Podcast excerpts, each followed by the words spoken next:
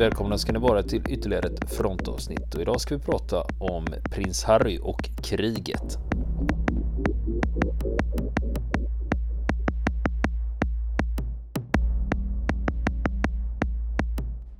Ja du Niklas, det är ju dags för del tre nu då med prins Harry. Ja, precis. Jag har ju fått veta en hel del nu här om utbildningar och uh, Afghanistan och så vidare. Så jag är ja. lite nyfiken själv på fortsättningen för att det, det, jag har ju inte läst hans bok själv.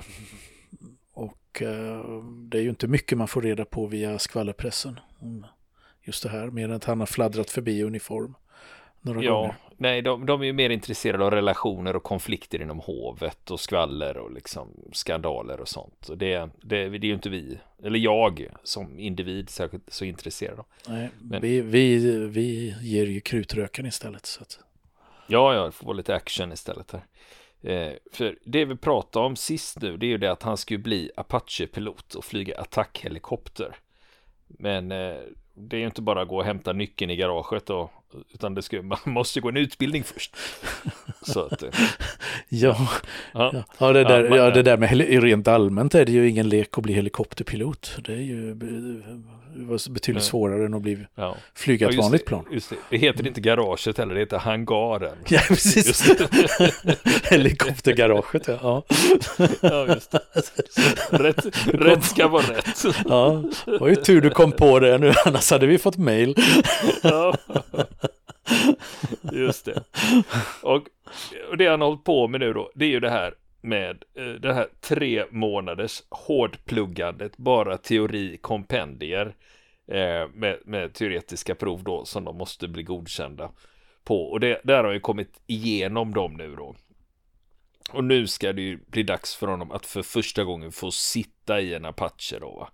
Och eh, det första de ska få lära sig att göra. Man får inte glömma nu att han har ju tagit liksom grundläggande helikopterlektioner med en soloflygning och sen har han ju också lärt sig liksom flyga militärt och taktiskt. Det har han ju fått göra. Men nu är det ju liksom steg tre här. Eller steg fyra om man räknar med det. Han flög faktiskt lite flygplan innan också. Så då blir i sådana fall blir det här fjärde steget då. Men nu är det dags att han ska få sitta i en Apache då. Och det första de ska få lära sig det är att taxa, alltså köra med dem på marken. Och eh, då kan man tänka så här, ja, hur svårt kan det vara? Jo, bara att lära sig taxa tar fyra lektioner med en Apache.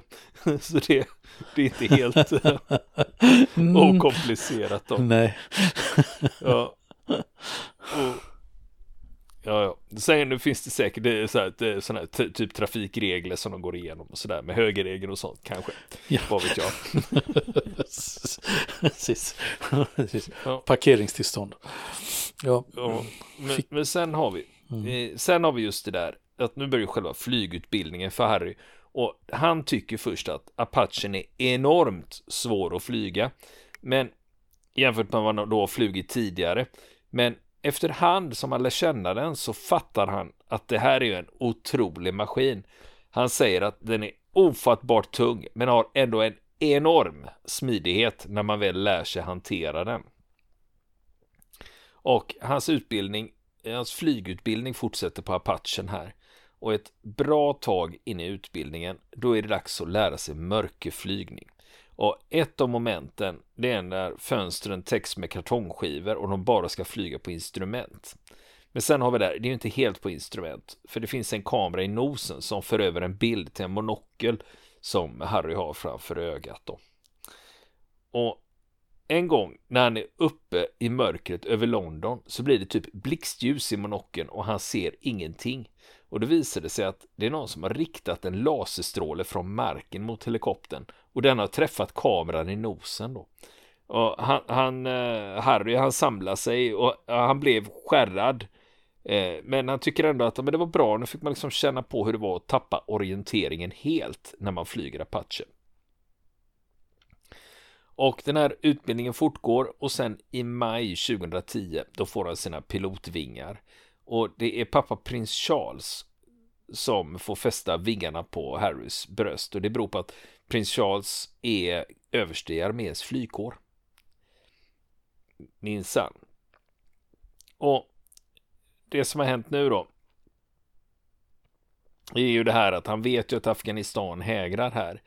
Eh, så ett tag efter att eh, han är färdig och fått eh, sin pilotexamen då bryter Harry Eh, och Kjells sitt förhållande. Eh, och eh, enligt hans bok då, vad han själv skriver, så är det för att hon var intresserad av resor och göra grejer. Och samtidigt så planerar Harry att dra ut i krig igen. Det betyder, de har ju två helt olika inriktningar i livet just nu då. Och så sker det lite grejer i Harrys liv också, som inte har med Afghanistan att göra. Det är att hans brorsa William går och gifter sig. Och Harry och hans eh, polare de drar på äventyr till Nordpolen. Men ja, ja, det är sådana här grejer. Nu snackar vi militärgrejer, vi går tillbaka till dem då. Eh, det är så här att Harry, han bor inne på en armébas och han ägnar sig åt att flyga Apache. Men han har fått problem med sömnen. Han har svårt att somna. Och det här är ett problem då, för han ska ofta upp tidigt och flyga Apache och det är ingen bra kombo. Eh, och han testar olika typer av örtteer och han tycker väl det hjälper väl lite grann men han har problem. Och de av er som lyssnar på det här som har lidit av sömnproblem, ni vet hur värdelöst det är. För ingenting blir roligt, allt blir kass. När du inte får sova ordentligt. Men han ska ändå iväg på grejer, även om han är färdig Apache-pilot så finns det ju fortbildning. Eh, så han ska iväg, han skickas till flygbasen Gila Bend i Arizona där de övar på att flyga med Apache och har även stridsövningar med dem. Och de skjuter robotar där också på det här stora skjutfältet och det är något som Harry tycker är kul. Och sen är det januari 2012. Ni förstår, nu har det gått nästan två år sedan han tog examen. Då är det dags för SERE. Det är en sån här kurs man kan gå, en övning som heter SERE, S-E-R-E. -E. Det står för Survival, Evasion, Resistance och Extraction. Den har du väl hört talas om Niklas? Nej, det har jag väl inte gjort riktigt, men jag, jag förstår precis vad den handlar om. Gör jag. Ja. Det är ju överle överlevnadskurs liksom, när du blir nedskjuten och så vidare. Ja, ja. precis. Och det är, det är piloter och flygbesättningar som genomgår den. Eh, och även andra det är inte liksom exklusivt på det utan det är lite där att säga att man hamnar bakom fiendernas linjer på något sätt. Då kan det vara nyttigt att veta då vad man ska göra. Och Siri, det kan man ju säga så här, överlevnad, undvikande, motstånd och flykt blir ju den eh, översättningen som jag gärna vill ha det till i alla fall. Och det är precis som jag nämnde här just då. För piloter och flygbesättningar som får genomgå den här utifall om att de skulle bli nedskjutna bakom fiendernas linjer och ska ta sig överleva i ett fientligt område. Och eh, i det här fallet eh, för britterna här så är det sista delen i pilotutbildningen innan de kan skickas ut i krigszoner. Och eh, i Sverige så ges den här utbildningen i tre steg. Det finns serie A, serie B och serie C. Och det är Försvarsmaktens överlevnadsskola i Karlsborg som ansvarar för det här. Och för Harrys del så sker den här utbildningen i Bodmin Moor i Cornwall. Och eh, Bodmin Moor, ja det är ju Bodmin Heden på svenska får man väl säga då. Och i hans kursomgång så är de 20 stycken deltagare som ska genomgå den här kursen eller övningen. Och de första dagarna då ska de bara klimatisera sig till miljön. De går upp fem på morgonen och kör språngmarsch. Eh, och nu är det ju januari 2012 eh, så då kan man få en bild av hur, eh, vad det är för typ av väder nere i Cornwall. Och Cornwall det är ju det som ligger längst eh, sydväst i, i Storbritannien. Det som sticker ut där det är ju Cornwall. Och de första dagarna de är där då ska de bara akklimatisera sig till miljön. Och de går upp fem på morgonen och då kör de språngmarsch. Och eh, i den här kursen så ingår också fältlektioner där de får lära sig överlevnadsteknik. De får lära sig nacka en höna, plocka den och äta upp den. Och som jag nämnde så är det ju januari i Cornwall här och det har börjat regna. Eh, och sen eh, börjar det hända grejer när de ska genomföra själva överlevnadsövningen då.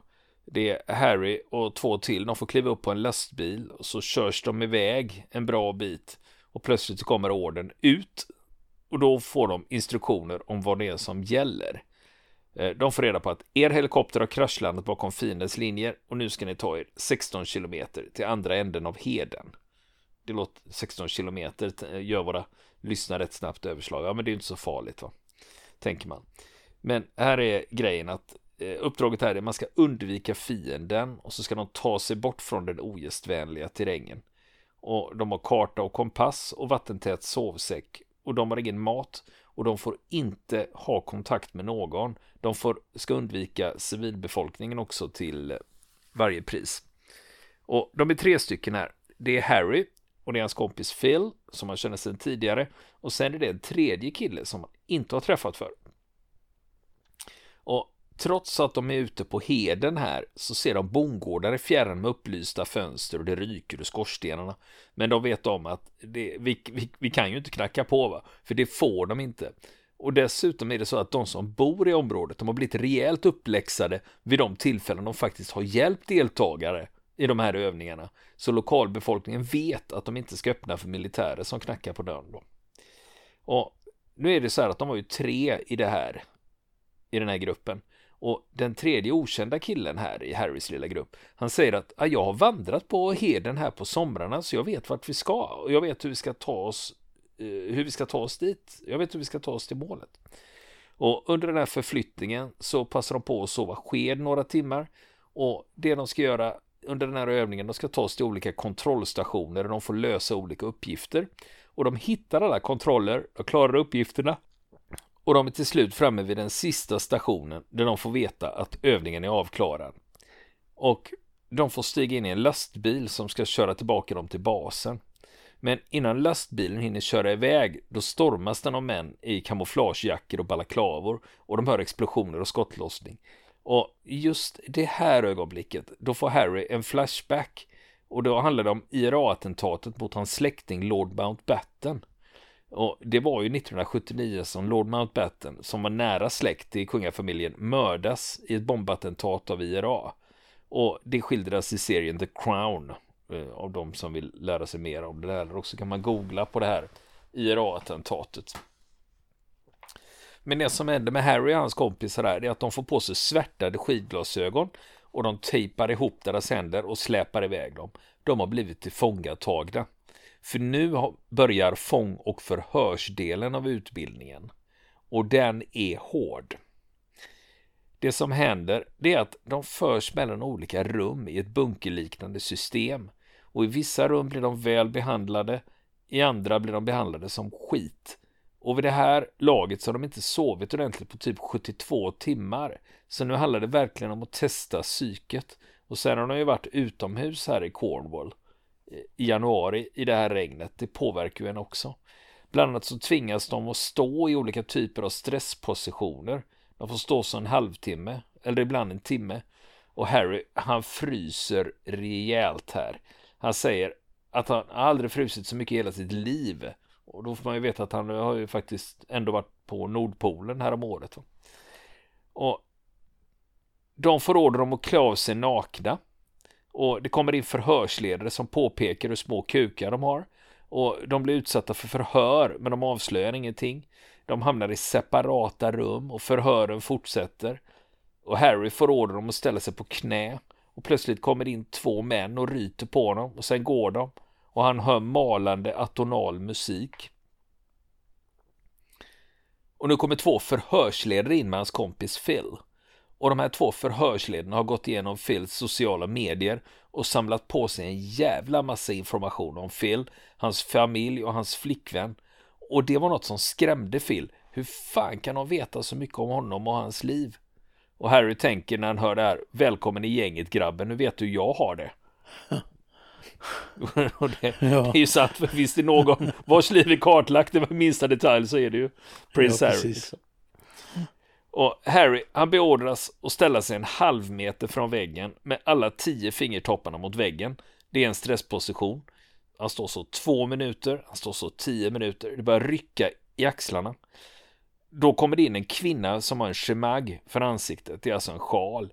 Och hon börjar babbla om något och Harry fattar inte vad det handlar om. Men efter ett tag så fattar han. Det handlar om hans mamma, prinsessan Diana. Den här kvinnan som har kommit in, hon säger till honom att din mamma var gravid när hon dog va? med ditt syskon med en muslimsk bebis. Och det här anspelar ju då på ett falskt rykte om att prinsessan Diana var gravid med sin pojkvän Dodi Fayed när hon avled. Och det här, det tog på Harry. Han säger ingenting, men han skriker åt den här kvinnan med ögonen. Och då, då förstår man liksom vad det är han gör.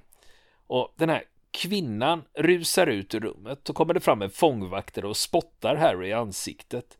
Och då hör han gevärsskott och en helikopter. Och då släpas de in i ett annat rum och någon ropar okej, okay, klart, övningen avbryts. Och eh, efter det blir det en debriefing där Harry får en eh, ursäkt från en instruktör för att de hade tagit, de tyckte själva att de hade tagit det lite väl långt. Och eh, så är det frågan hur långt man kan dra den här typen av grejer. För Harry får senare reda på att två av deltagarna som var med här har drabbats av psyke, psykiska besvär efter den här behandlingen. Mm. Men sen är det lugnt ett tag här efter den här övningen. Det är lugnt ett tag innan det är dags för Harry att åka till Afghanistan. Eller ja, lugnt och lugnt. Han skickas av drottningen på ett officiellt uppdrag i Karibien för att representera henne. Och hon har nämligen 60-årsjubileum på tronen. Men eh, han sköter sig bra. Det blir inga incidenter eller skandalskriverier om hans besök i Karibien där. Men sen åker han och några kompisar till Las Vegas. Och då blir det ju en del festande och det läcker ut bilder till pressen när de är på ett hotellrum och har spelat klädbiljard. Eh, så eh, vill man se bilder på prins Harrys nakna röv i, i, som är publicerade i brittiska tabloider så finns det över hela nätet. Och det var ju lite eh, lite jobbigt för honom att behöva komma hem liksom. Men hans eh, pappa då liksom han liksom bara borstar bort det liksom. Ja fan fuck it det är sånt som händer.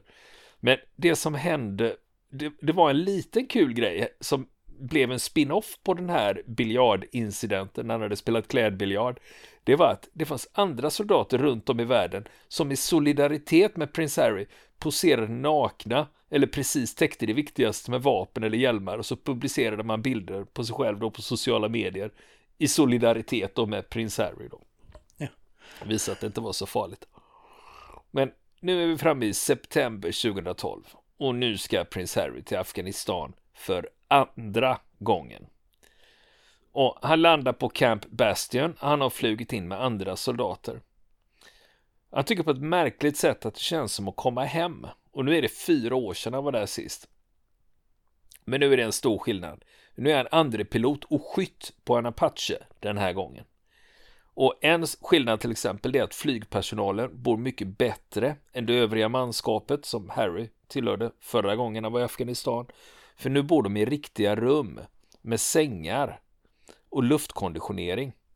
Och det första de ska göra här, det är att de börjar med en veckas akklimatisering på basen.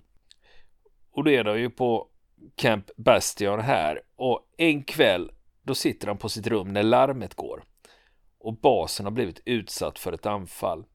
Och Harry hade faktiskt med sig två livvakter här och de kommer springande och de har fler explosioner och ser eldslågor. Och sen efter ett tag så hör de att man blåser faran över. Och det som har hänt i den här attacken det var att två amerikanska soldater har dödats och 17 britter och amerikaner var skadade.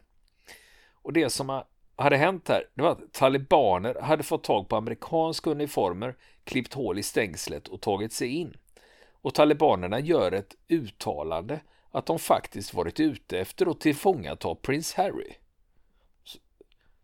Eh, och det är ju liksom lite, de visste alltså att han var på Camp Bastion helt enkelt. Och det är ju inte så eh, positivt att veta att fienden vet om det.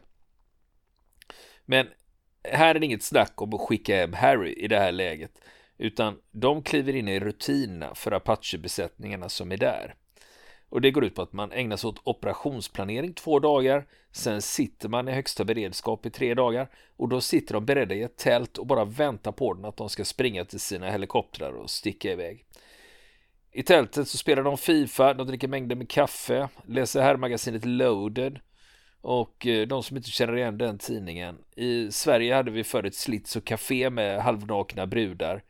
Och eh, eh, Slits och Café, förlagorna är brittiska och det var Loaded och FHM Eh, FHM står för For Him Magazine. Det är inte vrålporr, men det är, eh, det är bröst och rumpor helt enkelt. Och sen lite sport och eh, bi, fräcka bilar och motorcyklar och sånt. Sen i det här tältet där de sitter och är beredda att sticka, då är de alltid fyra man. Då är det alltså två besättningar.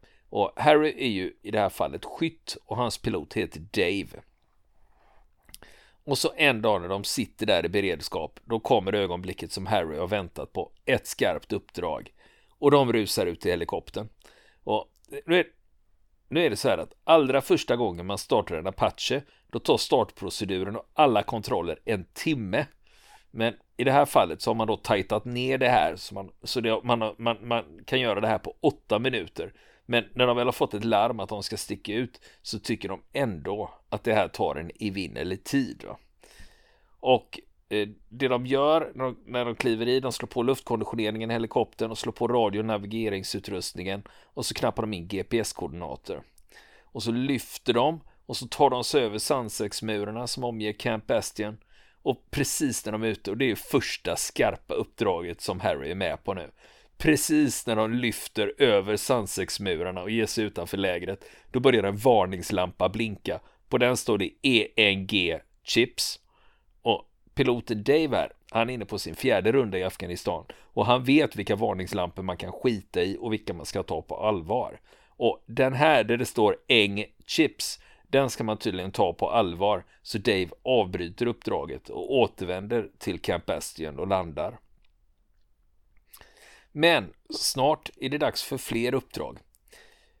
De brukar flyga på låg höjd i 70 knop. 70 knop det är alltså 130 km i timmen. Men när det är bråttom då flyger de i 140 knop. Det är alltså 270 km i timmen. Och det är på låg höjd då. Och anledningen till att de flyger lågt det är att det är svårare för talibankrigarna här att se helikoptrarna. Men nackdelen var att det var lättare för barnen att kasta sten på helikoptrarna när de kom. Och det gjorde de. Och nu är det ju 2012 eh, och vid det här laget så har ju det här kriget pågått länge. Och en del i det här det är att talibanerna vet hur lång tid de har på sig innan kavalleriet kommer om de tänker ställa till med något. Och de har också blivit bra på att smälta in bland civilbefolkningen eller gömma sig på andra sätt. Och på det stället så har de också nätverk av tunnlar. Så mycket tid går åt för Dave och Harry att flyga runt och leta. Och de har med sig tillräckligt med bränsle för att vara i luften i två timmar.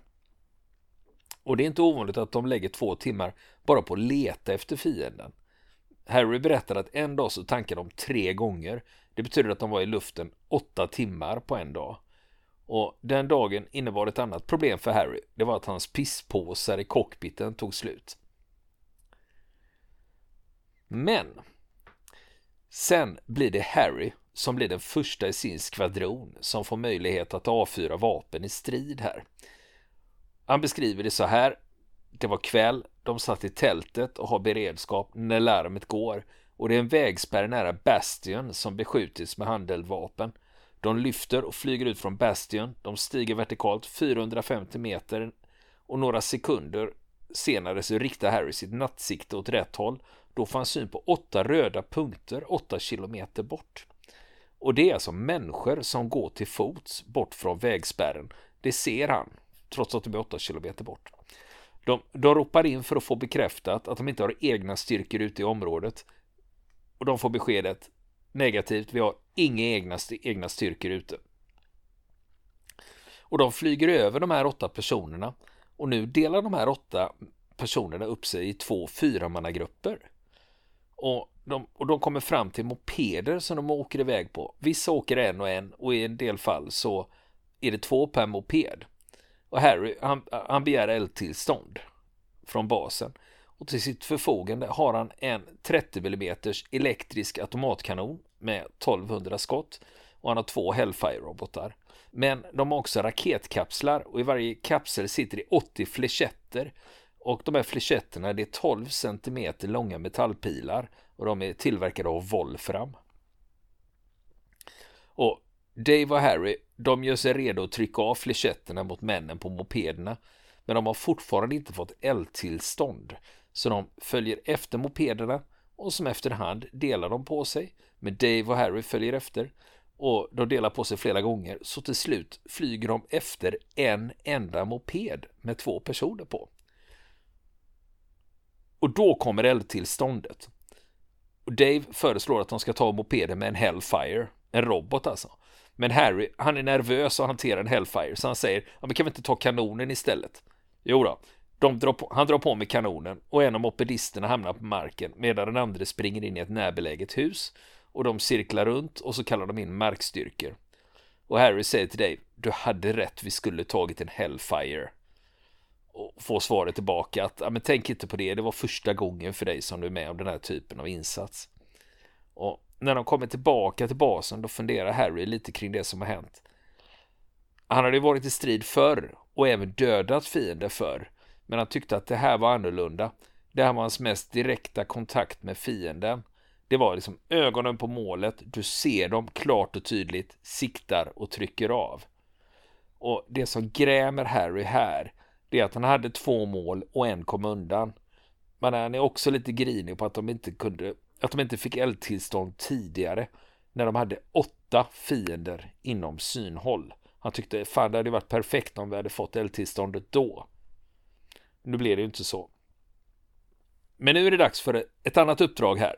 Eh, en annan dag. Och det bygger på att drönare har upptäckt en plats där talibaner utbildar krigare. Larmet går och Harry och hans kollegor springer till helikoptrarna. De flyger norrut på 750 meters höjd det börjar skymma och de ska fortsätta 8 kilometer till. Och när de kommer fram så ser de skuggor som rör sig. Och det är det här utbildningsområdet, det är där utbildningen har skett då. De får order att avvakta. Till slut är lektionen på marken slut och då får de sitt klartecken att de får anfalla. Och de får syn på instruktören som har hållit lektionen. Och han är ju det prioriterade, det viktigaste målet här. Och instruktören kör iväg på en moped. Men han är inte själv på mopeden. Han har en elev som sitter bakom sig. Och den eleven har en PKM-kulspruta på ryggen. Och det är så långt vi kommer. Utan i nästa avsnitt så ska jag berätta hur det här anfallet gick till i Afghanistan 2012. Jaha, då får man vänta en vecka till alltså? Ja, tyvärr. Ja. Vilken cliffhanger. det var en cliffhanger va? ja. ja. Vill ni komma i kontakt med oss så kan ni göra det via vår Facebook-sida som heter Fronten. Det är inga problem för er att leta er fram där. Eller också så mejlar ni på vår mejladress och det är frontenpodcast.gmail.com.